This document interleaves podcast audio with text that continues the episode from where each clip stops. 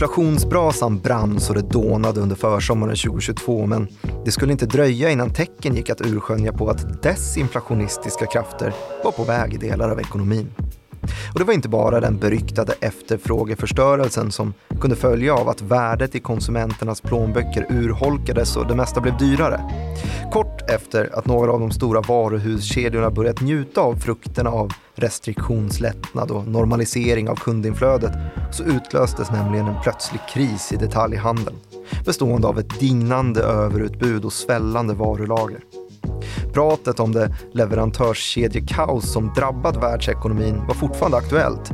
Men samtidigt som fokuset hamnat på mat och bränsleprisernas superuppgångar så förbereder sig detaljhandlare på att slå upp portarna till chockrea för att tömma ur sina kostsamma lager som i vissa fall hindrade butiker och e-handlare att beställa nya varor och hålla jämna steg med konsumenternas efterfrågan.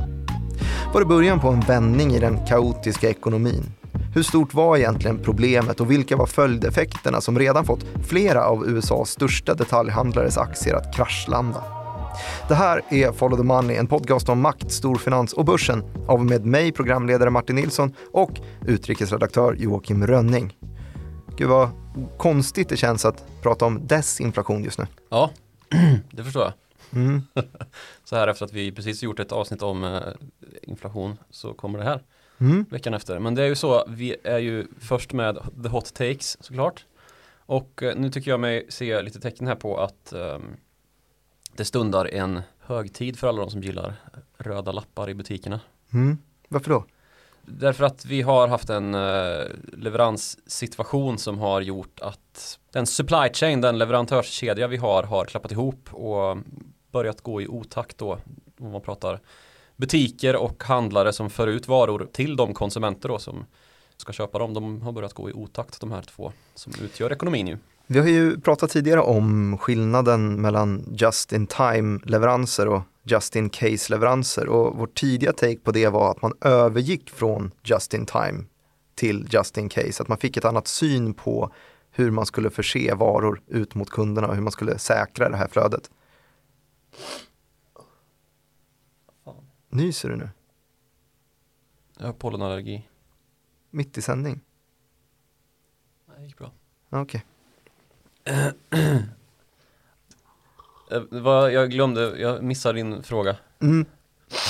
Vi har ju tidigare haft ett hyfsat hot take på när man övergick från just-in-time-leveranser till just-in-case-leveranser i samband med att leveranskedjorna stötte på de här flaskhalsarna. Ja, det blev lite av en konsekvens där. Mm, och just in case då är ju det här att man bygger upp lite av ett lager för att man ska Mm. kunna fortsätta föra ut varor mot kunder. Just in time är den, den gamla lean-modellen att man hela tiden ska ha sina varor på väg. Men det blir ju Mm. väldigt skört så fort det blir störningar.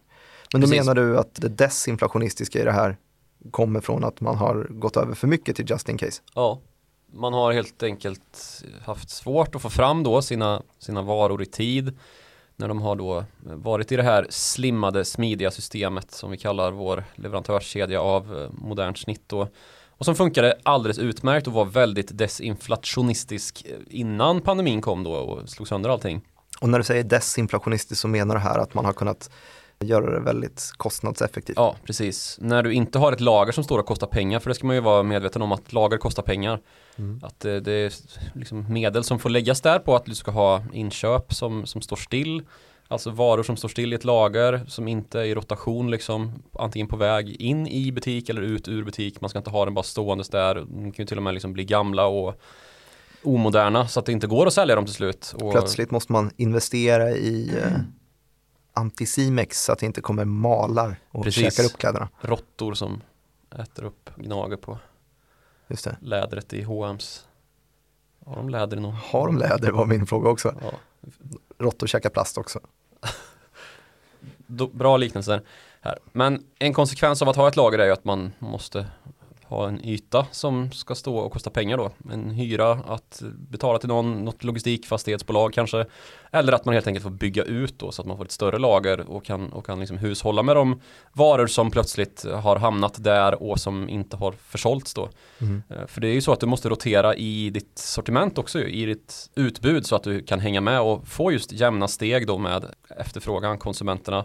Den skiftar ju över ett år, det finns ju säsongsvariationer och så här som ja, till exempel gör att ingen köper påskpynt i augusti liksom. Det är ju ett av Günther Mårders stora spartips. Att köpa påskpynt i augusti? Ja, ungefär, att köpa saker som är off season. Günther, han har gått för långt tycker jag. Fira, fira jul sådär tre veckor efter så är det rea på sill. Ja. Skärp dig Günther. Men ska vi ta och skruva tillbaka klockan lite grann och kolla på vad det var som hände med leverantörskedjorna? För det, det, ingen har ju missat att vi har pratat om det här men man kanske är ny till podden eller så här eller bara vill få en liten en refresher till Välkommen sin till Follow the Money. Mm. Så jag tänker att vi går igenom lite grann vad det var som hände. Mm. I mars 2020 så utbryter en pandemi i världen. Oh, fan.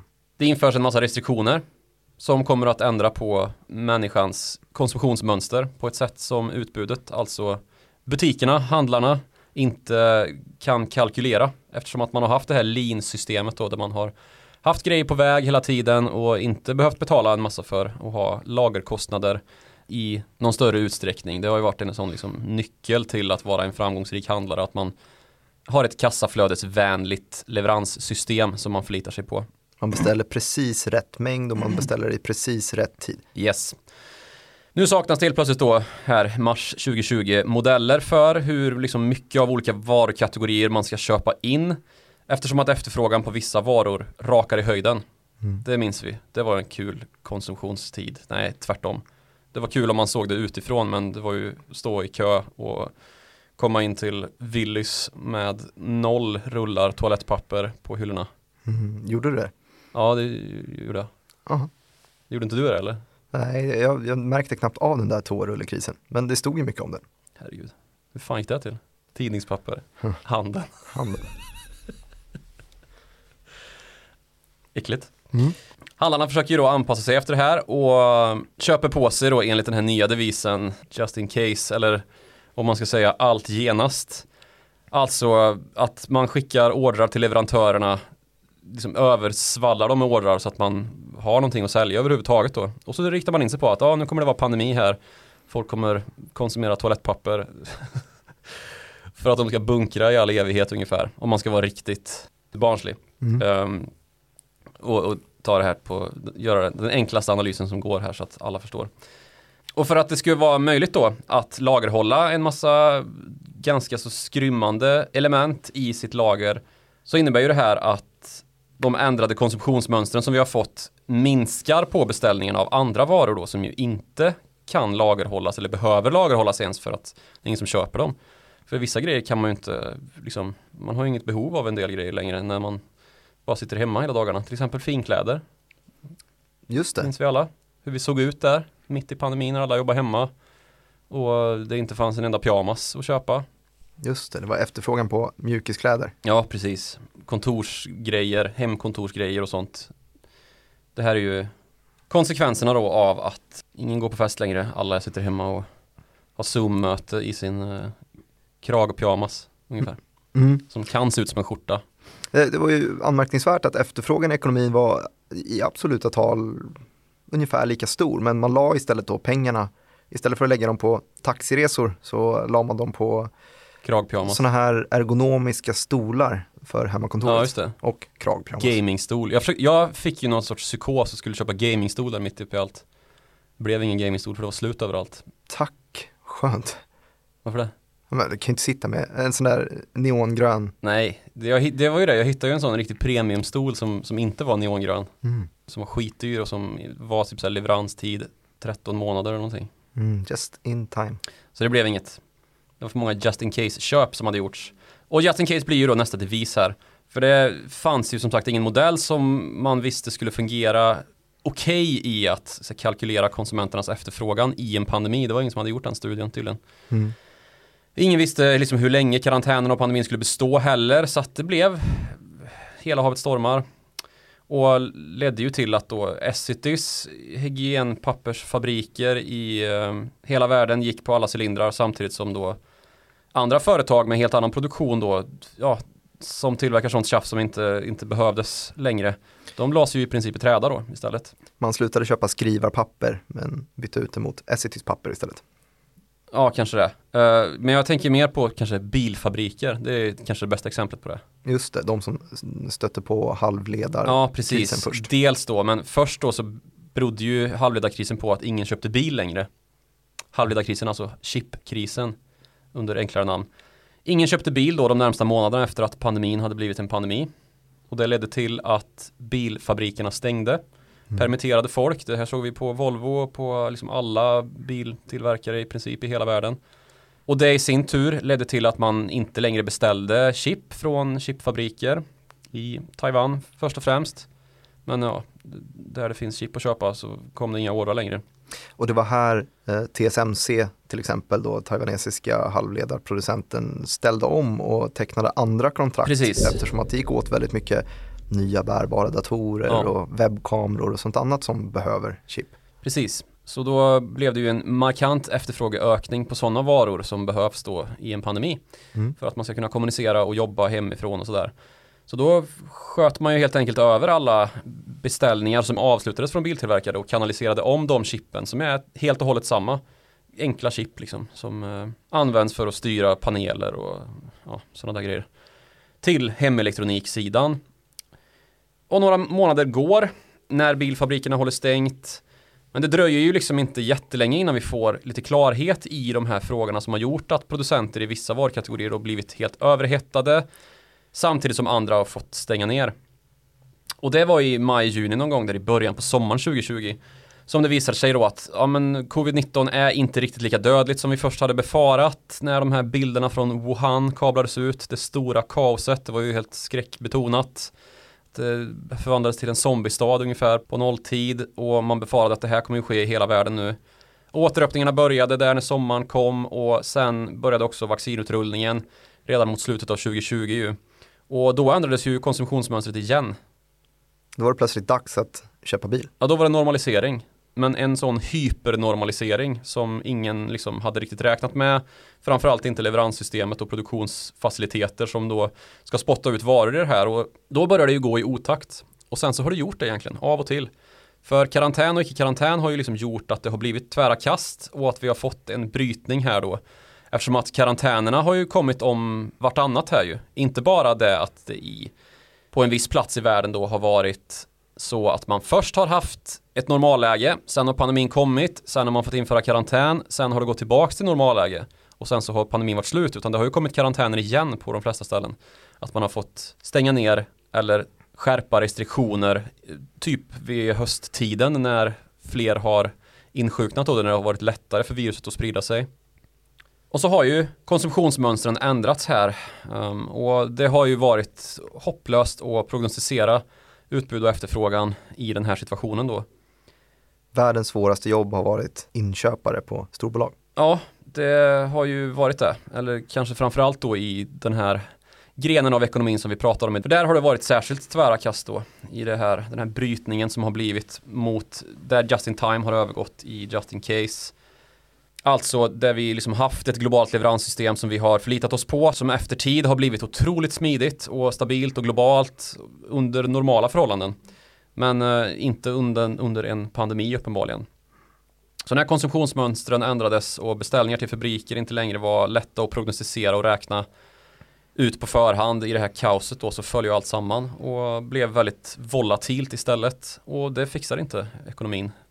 Så Först fick vi leveransstopp på grund av uteblivna ordrar och sen så fick vi en leverans-tsunami då när pandemin och restriktionerna lättade. Och det här spred sig ju sen genom ekonomin då i det logistiska systemet som ska föra ut alla de här varorna. För det gäller ju samma där då. Det har vi också pratat oss till leda om det här trafikstockningen som har varit i världens hamnar. Mm. Framförallt i Sydostasien då där um, uttransporterna i första skedet då har stått still för att det har varit så packat i alla hamnar och sen så när de ska in i hamn där, där produkterna ska säljas då till exempel i Long Beach i Los Angeles så har det varit fullkomligt kaos.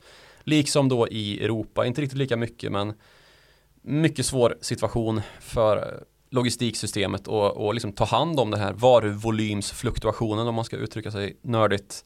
Alltså det att ibland så har ingen beställt någonting och sen plötsligt så utlöser sig den här tsunamin och så kommer allt på en gång.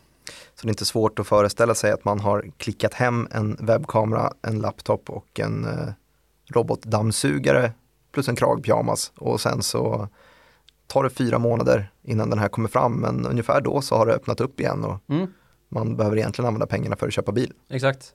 Om alla bara hade funkat som Günther Mårder så hade det blivit mycket lättare. Mm. Om alla kunde tänka sig att sitta hemma när, det, när alla fester börjar. Som nu. När alla ska upp på 14 bröllop i sommar. Mm. Ja, det var ju väldigt tydligt när jag skulle ha någon form av 30-årsfest. Jag har ett gäng kompisar som fyller år ungefär samma, samma vecka. Så vi slog ihop eh, alla vänner och skulle ha en, en eh, fest och eh, dåligt planerade som vi är, vi är ju inga inköpschefer någon av oss, så var vi lite sent ute med att försöka få tag på bord. Vi hade framförhållningen ungefär två månader men det var inte i närheten av rätt för att kunna hyra in eller köpa sådär 15-20 plastbord och ställa upp i en trädgård. Inser du att du precis har, har eh, gjort bort dig? Varför då? Uh, ja, antingen du eller posten eftersom att min inbjudan verkar ju ha kommit bort. Lev- flaskhalsar, En flaskhals i postsystemet där. det kommer så småningom. Fan vad dåligt. Mm. Ja, eh, men det är inte bara konsumenterna som drabbas av högre priser heller ju. Jag tänkte vi skulle kunna komma in lite grann på det den här frågan kretsar kring likt katter kring het gröt är ju vi när vi inte har nämnt ens ordet inflationen. Mm. Ja, men det är inte bara konsumenterna som drabbas av den, helt uppenbart, utan det är ju även butiker då som ska köpa in det här som blir dyrare och ja, att inköpspriser också rusar helt enkelt och då binds ju mer kapital upp i lagret av sig självt liksom. Att det som Hur, hur köps in går den här dyrare. betalningen till ungefär? Ja, men vi kommer dit. Men lagerytan då i sig, som sagt, den kanske måste ökas med en utbyggnation eller att man hyr till en högre kostnad då med kapital som kan behövas till annat i verksamheten då när det ser ut så här så kanske man till exempel behöver personal eller liksom sköta kampanjer för att trycka ut varor ur lagret då och butiken när efterfrågan är så här stor. Så samtidigt har ju konsumenternas köpkraft ju minskat. Det är ju det som är inflation. Mm. Deras pengar har blivit mindre värda när priserna har gått upp. Och som svar på frågan hur betalningen går till så är det ju oftast en så kallad checkkredit då som bolagen använder för att köpa in sitt lager med. Och när räntor går upp då för att man ska hantera den här inflationen. Man justerar upp styrräntan, vilket bankerna då måste förhålla sig till. Då blir ju den här checkkrediten krångligare att använda, eller krångligare att använda, den blir dyrare att använda. Den blir marginalsvagare för sista raden på bolagens räkenskaper. För checkkrediten då är ju pengar som man har lånat från en bank egentligen. Som då tar en risk i att ge den här krediten och som ska ha mer betalt då för att man gör det i en lite mer äventyrlig ekonomi som vi har just nu med inflation och räntehöjningar för att hantera den. Och det innebär ju också osäkerhet. Det är ju också en otroligt väloljad del i hela den här just in time-strukturen. Att man ligger inte ute med krediter särskilt länge och det är inte särskilt stora krediter heller. Nej. Men när svängningarna kommer så om man sitter fast i de gamla strukturerna att man faktiskt tar kredit men det blir lite längre krediter, lite större sådana till ett högre pris. Ja precis, när man, har, men, när man har slimmat så här som man har gjort då, dessutom i en tid av extrem kreditexpansion, alltså där det har varit typ gratis att, att göra de här checkkrediteröverföringarna och använda sig av liksom bankpengar till ingen kostnad alls för att köpa in sitt lager så har det ju varit väldigt smidigt. Mm. Eh, Men det blir ju också en osäkerhet inbyggt i det. För nu krävs det ju mer och mer likviditet då för att klara de här köpen när inflationen är upp. Som både då kostar mer sett till räntan på checkkrediten och då att de blir dyrare på grund av inflationen. Och sen utöver det så har ju leveranssystemet gått i kras och det är ju liksom pudens kärna. Att man helt enkelt inte kan vara säker på när man får sina varor eller om man får dem. Mm. Alltså det är skitdåligt att beställa julgranar i september och få dem levererade i februari liksom. De har missat julen. Precis, de har missat julen. Då får man spara på granarna till nästa jul, men då är de, Då har Günther Mårder köpt upp alla. ja, eller så är de, Mycket mot honom nu. ja, eller så är de nakna. Mm. Vad, vad har du emot Günther Mårder? Ja, det, det är verkligen ingenting mot Günther Mårder men han är ett så praktexempel på hur man ska vara så sparsam som möjligt. Och någonstans så blir ju frågan då, så här, vad blir dyrast av de, här två alternativen, just in time och just in case? Alltså är det dyrare att riskera att stå utan lager och drabbas av uteblivna intäkter då när efterfrågan överstiger utbudet från det lager som man har till butiken? Eller blir det dyrare med just in case där ett dignande varulager istället då riskerar att förbli osålt och dyrt?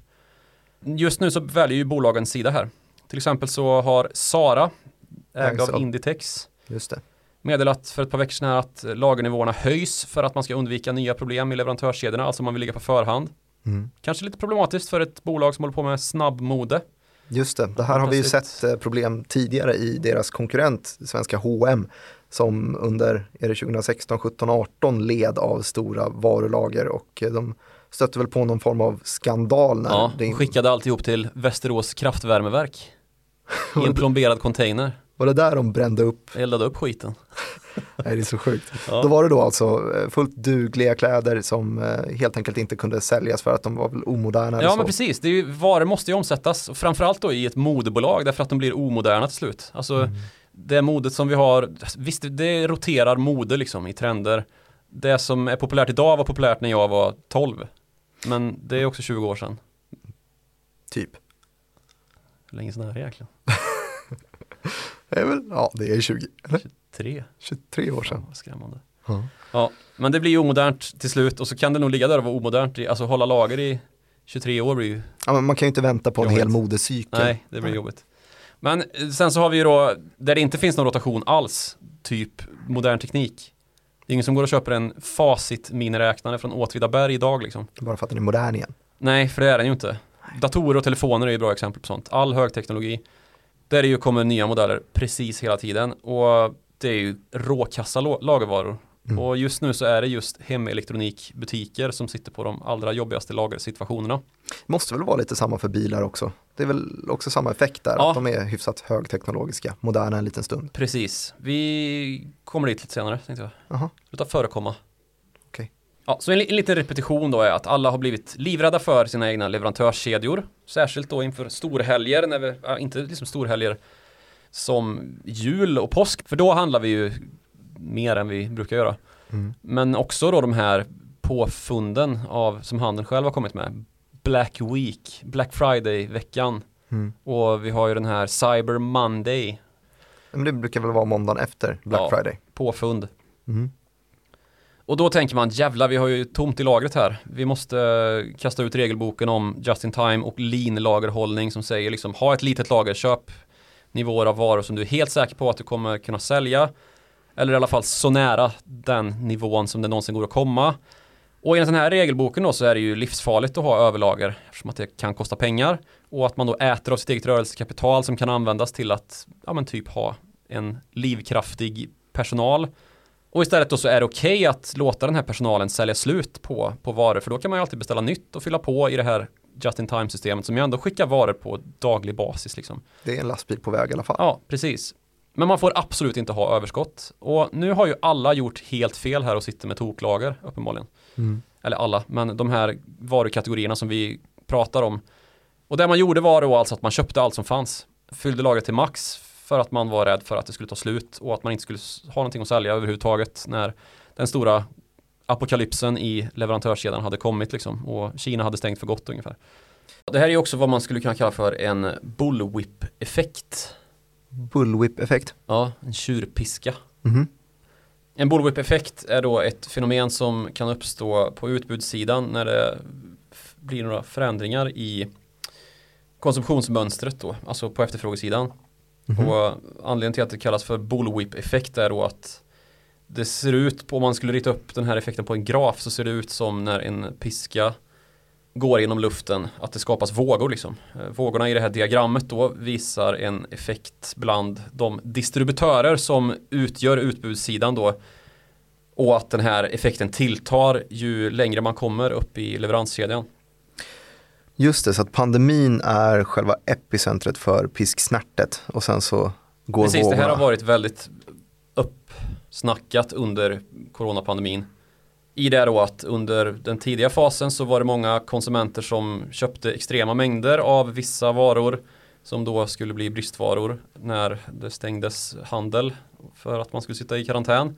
Mm. Då vet vi vilka de var och som sagt redan omnämnda toalettpapper och, och annat torrvaror, konserver och allt vad det var. Det var ju någon privatperson som fick rättsliga konsekvenser efter att ha köpt extrema lager handsprit. Ja, jag såg också det där och det var många som eh, försökte sälja den på Amazon i USA. Ja. Och att Amazon till slut förbjöd folk att göra det. Vilket ledde till att en del satt hemma då med en kubikmeter handsprit som man inte kunde bada i den, men man inte kunde sälja den. Och det var tidigt i bullwhippens vågor. Ja, kan man säga. Mm. Och då leder ju det här till då när man, när man har tomt på butikshyllorna av vissa varor, alltså ta toalettpapper då som det bästa exemplet. Då tvingas ju butikerna att skicka stora ordrar till eh, leverantörerna. Alltså att efterfrågan hos tillverkaren ökar och att beställningarna går upp. Vilket i nästa led då blir till en efterfrågan på insatsvaror, alltså råvaror till den här produktionen som ska ske i fabrik. Och sen så tar ju det här ett tag innan saker och ting är producerade och redo att försäljas i butik. Och om det då har hänt någonting i efterfrågan under den här perioden så står man ju där med ett plötsligt överutbud då när väl saker och ting kan levereras och det är ju lite grann där vi har hamnat nu då. Mm. Att eh, ja, ponera att alla för evigt kommer återgå till normalitet nu då så har vi ju ett jättelager av toalettpapper som efterfrågades under bunkringstiden. Men ja, folk behöver ju kanske inte mer toalettpapper nu än vad man gjorde tidigare och har dessutom ett gigantiskt lager där hemma som man har köpt för att man var redo att sitta i sin domedagsbunker fram tills dess att pandemin var över om en livstid. Både toppen och botten av vågorna på den här piskan har vi sett vad gäller eh, handsprit bland annat. Det var ja. ju eh, svårt att få tag på, ganska dyrt eh, under en period och sen så har det reats ut i, i omgångar. Ja, precis. Och det beror ju då på att det har blivit lagerproblem eller lagringsproblem hos både producenter och grossister som säljer till butiker och butiker. Så att ja, det reas i alla led liksom. Lite samma sak med covid-testerna som det var otrolig brist på och sen så fanns det hur mycket som helst. Ja, precis. Och man kan även flytta över det här problemet då och se det ur kontexten hamnar i Kina då till exempel där containerpriserna skenade när restriktionerna släppte och vi fick stora problem i leveranskedjorna som vi nu ser effekten av då. Mm. Konsekvensen är ju på den sidan då att, att priser skenar istället för tvärtom då att flera hamnar i USA till exempel eller ja, om, omvänt då till eh, den svenska passterminalen som ju är lika kaotisk. Att det saknas arbetskraft då i samband med pandemin. Att folk har liksom antingen omallokerats inom organisationer eller fått sägas upp. Som i de amerikanska hamnarna har ju det varit ett stort problem. Och då får skeppen vänta i en lång kö eftersom att man måste nyanställa eller återanställa och det tar tid. Och man får helt enkelt inte iväg varorna för att det saknas manskap i hamn och kanske till och med saknas skepp då. Och då drivs priserna upp. Men produkterna skeppas raka vägen till Västerås värmeverk för att brännas upp. ja, typ. För att man har så stora lagringsproblem då som riskerar att uppstå om saker istället hamnar på en lagerhylla där den tar plats från någonting annat som kanske säsongsmässigt behövs bättre och som är lättare att sälja då. Mm. Så där har vi lite grann om eh, den så kallade tjurpiskan eller bullwhip-effekten. Det här har ju gett eko även in i inköpschefsindex, alla stora makroekonomers favoritindikator. PMI heter det på engelska, Purchasing Managers Index. Och det är ju eh, att man skickar ut en enkät till just inköpare på stora bolag där de får fylla i hur mycket kommer de anställa närmsta kvartalet eller närmsta året, hur mycket kommer de köpa in för att bygga upp lager, hur mycket räknar de med att de kommer försälja. Eh, när det då är så snabba svängningar så minskar ju träffsäkerheten på det här indexet som vanligtvis brukar kunna vara en bra indikator på hur BNP ska gå till exempel. Eh, men senaste året eller åren så har det varit mindre träffsäkert än någonsin. Det har varit volatilt. Så heter det.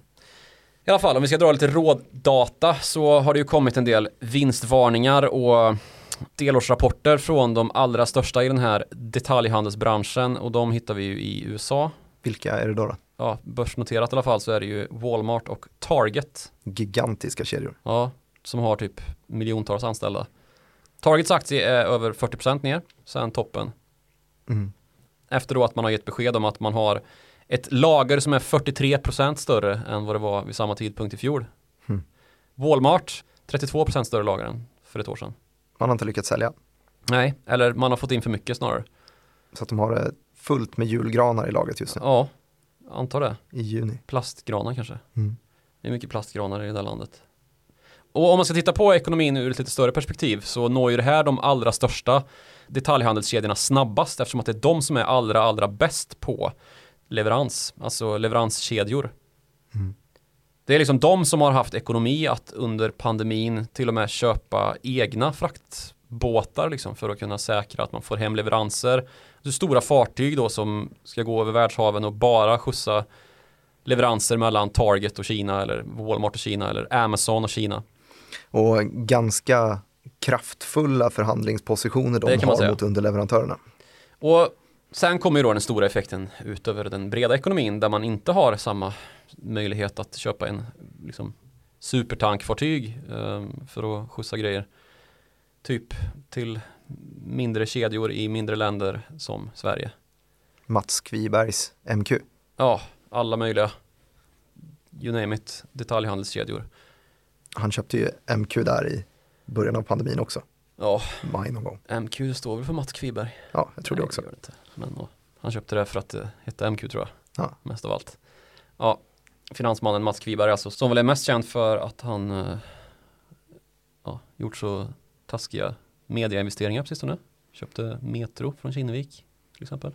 Investmentbolaget Öresund som väl är Anders. hans. Ja, det är ju hans som- skötebarn i grund och botten. Sen så har han varit med och kraschat en bank också, HQ, som är hans och Sven Hagströmers gamla bankprojekt som ju Får hoppas att han har gjort lite bättre investeringar än Metro, MQ och nu senast Decennio. Nej, decennium också. Ja, Jajamän. Just det, och han har varit ute och gnällt lite på planschbolagets. Det är ju en aktie som är ner med 99% det. Ja, det är det. Synd om Mats. Han är miljardär ändå så att Ja, det är väl Han lugnt. klarar sig säkert. Mm. Du, vill du ha en liten anekdot på Mats Kviberg eller? Ja, det kan jag tänka mig. Ehm, vi ska inte prata så för mycket om HQ Bank för det, det kan bli ett långt avsnitt. Mhm. Men eh, är du bekant med boken som skrevs av Carolina Neurath? Ja. Den stora bankhärvan. Mm. Det var en liten sekvens där i som, som jag har burit med mig i alla fall. Vad var det? Som, som anbelangar den gode Kviberg. Eller i det här fallet den onde Kviberg. Nej. man ska säga. Vad har han gjort? Eh, det är så då att HQ Bank kommer ju att krascha ju.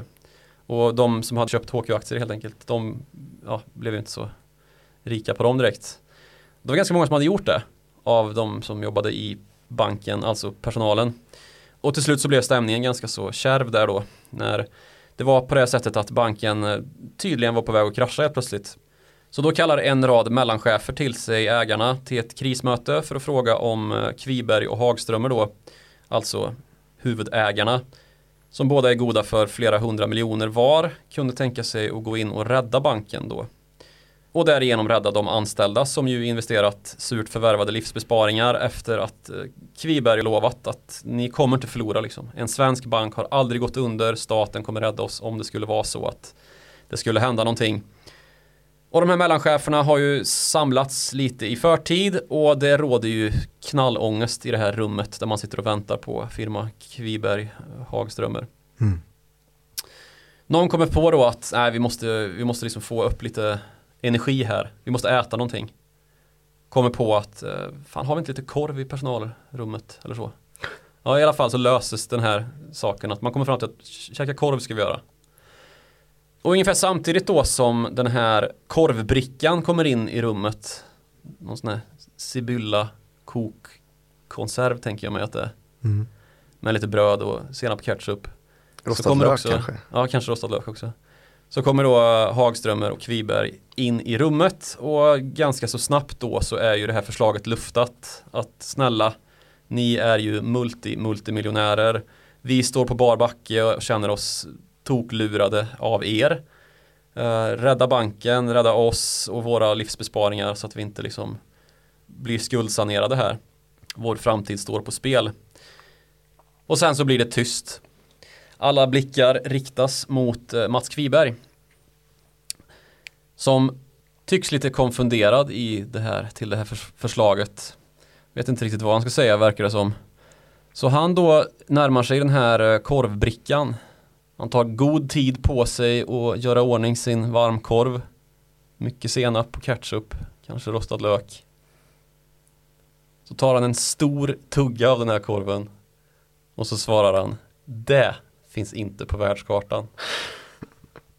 Power move från Ja. Mats Kviberg. Ja, så, och det här är ju mycket väl eh, beskrivet. Och kontentan är ju då att eh, trots det här lilla skådespelet med korven så verkar det ju som att Kviberg ansåg att det här valet att investera det var de anställdas eget. Det var ingenting som hade med honom att göra och han stod inte i någon sorts solidaritet med att behöva lösa ut dem då för helt egna investeringsbeslut. Så det fanns tydligen inte på världskartan. Och nu sitter han istället och eh, får ta samma beslut när han beklagar sig för Decennio-ledningen. Ja, Och de säger, det finns inte på världskartan. korrekt. ja. Så Kviberg kanske inte är synd om just i Decennio-fallet. Alltså. Eh, Men, ja. Nåväl. Hur hamnar vi på Mats Kviberg? Jo, MQ och precis, det är ju kanske ett bolag då som drabbas av den här överlager-situationen lite senare. Men vi har nu sett då att de här ja, effekterna börjar bita i Target och Walmart som ju är de allra största. Och då kommer den här effekten så småningom sprida sig för trenden är nog ganska så intakt över hela, i alla fall den västerländska ekonomin. Och vi kommer då få söka med ljus och lykta efter en lösning på det här och vad kan det vara då? Rea. Rea, precis. Röd lapp. Stora reor. Vilken är din favoritrea? Finns det... eh, ja, Det finns ju mellandagsrea. me- me- mellandagsrea är kul. Det finns ju fire sale. Aha. Och så finns det ju det som Åhléns ägnade sig åt efter terrorattentatet i eh, Stockholm. Terrorrea. För att Fan vad hemskt. Vad, rökskadade produkter. Just det. Det fick man lite skit för. Mm. Ja, det var ju inte de som kallade det för terrorrea men det var ju det som det kom att kallas för. Att det var lite osmakligt att kränga ut ja, rökskadade prylar efter att man har blivit utsatt för ett terrordåd. Mm. Ja, och vad gör det här med företagens lönsamhet då när de får sälja till reapris? Ja, det tär ju på marginalerna. Ja, precis. På grund av lägre säljpris så får man ju naturligtvis en mindre vinst. Sen så finns det ju också vinnare på det här. Mhm. Som då kan tänkas vara de som köper billigt och också säljer ganska billigt. Men ja, med en liten marginal då. Och det är ju typ sådana som Dollar Store till exempel. Just det, de kan köpa upp stora sjok av... Överlagerköpare som Mm. säljer sen till eh, ja, billigaste pris möjligt. De är liksom sist i ledet, eh, sist i hela kedjan av detaljhandeln. Sista man i sista ledet kan säga, mot konsument. De har i alla fall enligt namnet ganska svårt att eh, kunna vara följsamma med inflationen. Om de vill att saker ska kosta en dollar. Ja, visst. Det är ett amerikanskt eh, koncept det här va. Mm. borde heta 10 kronan egentligen. Mm. Det fanns ett sånt projekt i Karlstad när jag var liten faktiskt. Gjorde det? Allting skulle kosta 10 kronor. Sen kan man ju då tänka sig att eh, en del grejer ändå inte kommer kunna säljas. Nej. Vad händer då då? Då tjänar värmeverket i Ja. Västerås på det här. Precis, det finns ju som sagt exempel på att det här har lett till en del uppmärksamhet. För alla, alla varumärken kan ju absolut inte sälja av sitt överskottslager då om man har råkat köpa in för mycket eller har helt enkelt tillverkat för mycket för att man har en kontroll också då över hela ledet då från produktion till butik och det gäller ju för en viss kategori, alltså lyxvaror, lyxkonsumtionen. Och då kraschar ju den modellen då för det här segmentet. Om vi pratar lyxvaror. Det funkar ju inte att man har en stor rea och liksom kränger av massvis med väskor till Kalle Kula och hans polare. För det är ju liksom det som gör att någonting är lyx, att inte alla har det. Ja, sen så är det väl ofta så att det är parat med bra kvalitet och så här. Men den sortens marknadsrörelse leder ju till att ett varumärke som inte längre uppfattas som premium, vilket ju händer som titt som tätt, helt enkelt har producerat för mycket av en viss vara och fått liksom kränga av ett överskottslager när efterfrågan har vikit av någon anledning. Jag minns till exempel när den här gula örnen, Lylan Scott, om du vet, Mm. golfmärket som ju inte är ett golfmärke längre direkt. Det var en del typ pikéer och skor som hade det där märket på sig. Ja, nu är det ju, nu har ju alla det. Mm. Det är ju jätte, jättepopulärt. Men eh, klättrat ner i pris ganska duktigt också. Och det är ju en typisk sån grej där man har liksom, Som kan typ säljas på MQ. ja kanske, men det säljs väl lite här och där. Men vissa är ju så pass etablerade i kategorin att man vet det här och liksom inte vill riskera sina framtida marginaler. För det är ju det som skiljer mellan de här räkenskaperna, mellan typ H&M och Louis Vuitton, att Louis Vuitton har en ganska så bra mycket högre marginal. Så om du sänker marginalen och konsumenterna plötsligt börjar räkna med att ett varumärke ska vara billigare när så många uppenbarligen har råd med det så kan det ju inte längre anses vara så lyxigt som det är tänkt då. Och då sjunker ju marginalen eh, för att man ska få iväg allting. Till exempel Burberry, brittiskt klädmärke, de har också blivit komprometterade med att ha bränt kläder som ju ja, kostar någon tusing drygt för en ett linne liksom. Nej, mm. Burberry är inte linnen. T-shirt. T-tish. Tweed. Kavaj. Ja, precis.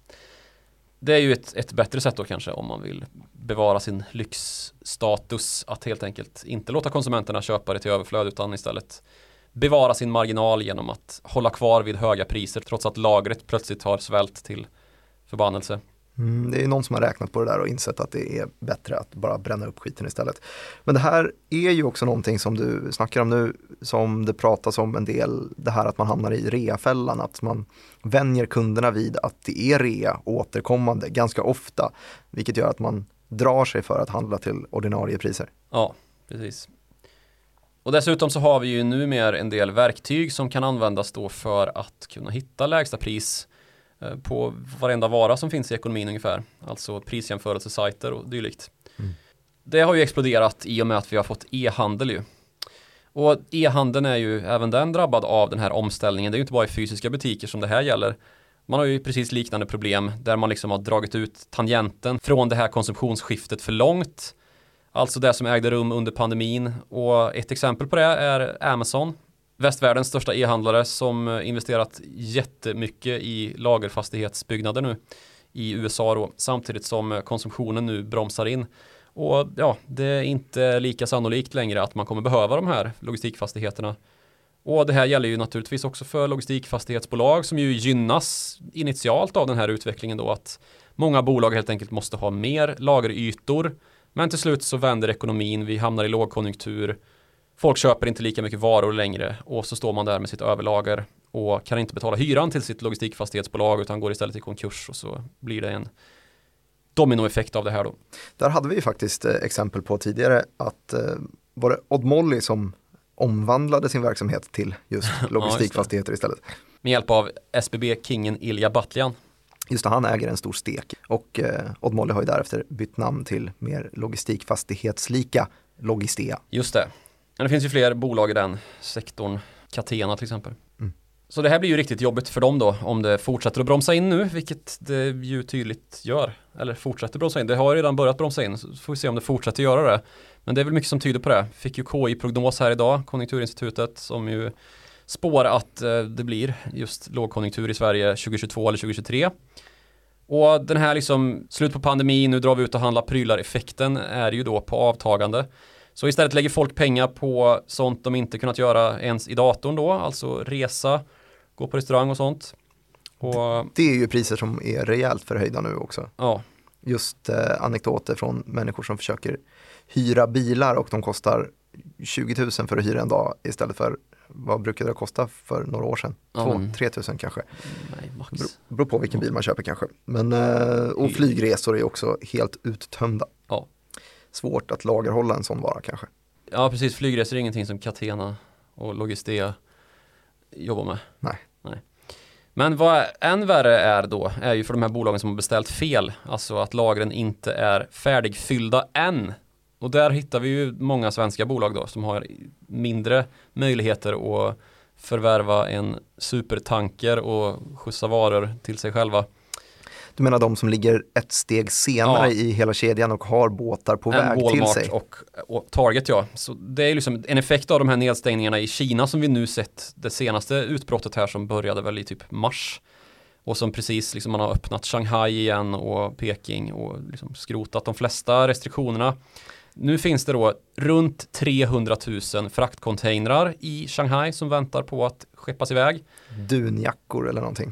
ja, så det är lite av en perfekt storm det här som har utlösts för det nyss så extremt slimmade leveranssystemet som möjliggjort då att vi kunnat beställa just in time som en marginalexpanderande standard. Inte bara för handeln utan för hela, hela världens tillverkning ju så har det ju funkat så här.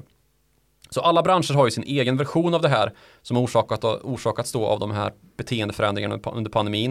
Men om vi ska zooma in på några specifika kategorier då, där det kommer sluta med rejäla reor här under sommaren förmodligen, så finns det ju då några som sticker ut. Vilka då? Förslag? Nej, inte alls. Nej. Eh, ja men sportkläder, en sån grej. Folk började träna under pandemin. Slutade de träna nu? Nej men det är väl en eh, efterfrågan som har mättats då kan man tänka sig. Att det blir svårare att sälja sportkläder för många har köpt mycket sportkläder under pandemin. Mm. Sådana grejer som man använder sig av när man sitter hemma. Till exempel eh, hemkontorsmöbler, stolar. Ja. eh, gamingstolar, Mm. pussel, pussel, Mm. brädspel. Stackars Embracer. Då får du berätta varför. Ja, Embracer är ju då det här spelkonglomeratet som hette THQ Nordic förut som Från? är First North från Karlstad, Ja. grattis, Sheikh Al Wingefors. Ja. Eh, De har tagit in pengar från Saudi, där, därav Sheikh. Men de har också för inte så länge sedan köpt upp just en brädspelsunderleverantör, ja, brädspelstillverkare kanske man säger, från att tidigare bara ha sysslat med just digitala spel. brädspelsunderhållare. Vilken tråkig artistkategori det skulle vara. Ja, verkligen. Men sen i ett något senare skede då så kan man ju också tänka sig att det kommer bli en effekt på just bilmarknaden. För då? Eftersom att vi har den här halvledarkrisen och det saknas chip som är ganska enkla till bilar som är tillverkade typ hela vägen fram fast det saknas ett par chip kanske.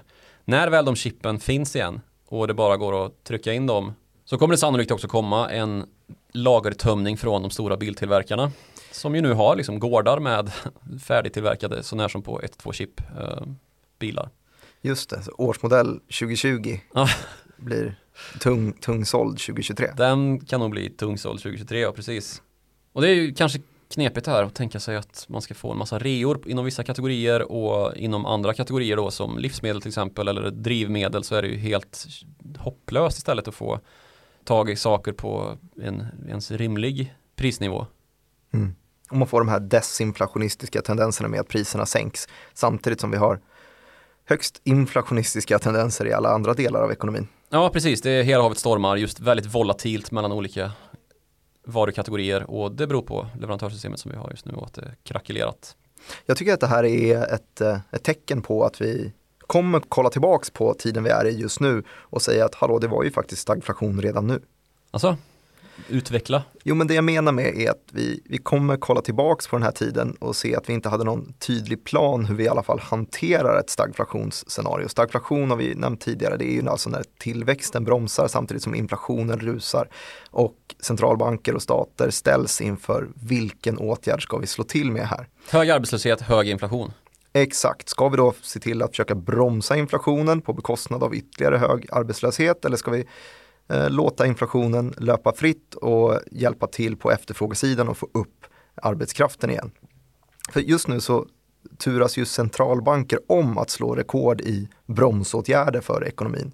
Samtidigt som stater, alltså på finanspolitisk nivå, pressar ut varenda krona för att bära upp de svagaste delarna i ekonomin genom ja, men inflationistiska stimulanser. Vi har ju Mm. nämnt till exempel Kanada som skickar ut en stödcheck, det var ett tag sedan nu, eh, för att just motverka effekterna av den höga inflationen, det höga pristrycket. Man vill hjälpa individerna att klara av vardagen. Och så har vi svenska regeringen som har lovat att man ska få en tusing om man är bilägare men sen så skiter det sig. Ja, jo men det är exakt samma sak, men de har i alla fall väl betalat ut elpriskompensation. Ja, det är samma typ av inflationistiska stimulansåtgärd för att bära upp de svagaste delarna i ekonomin. Och den här drivmedelskompensationen som man också ska få eh, handlar ju om att man ska låta, man ska inte göra det olönsamt för arbetare att åka till jobbet Mm. för då börjar ekonomin krackelera. Men den kommer man alltså inte få.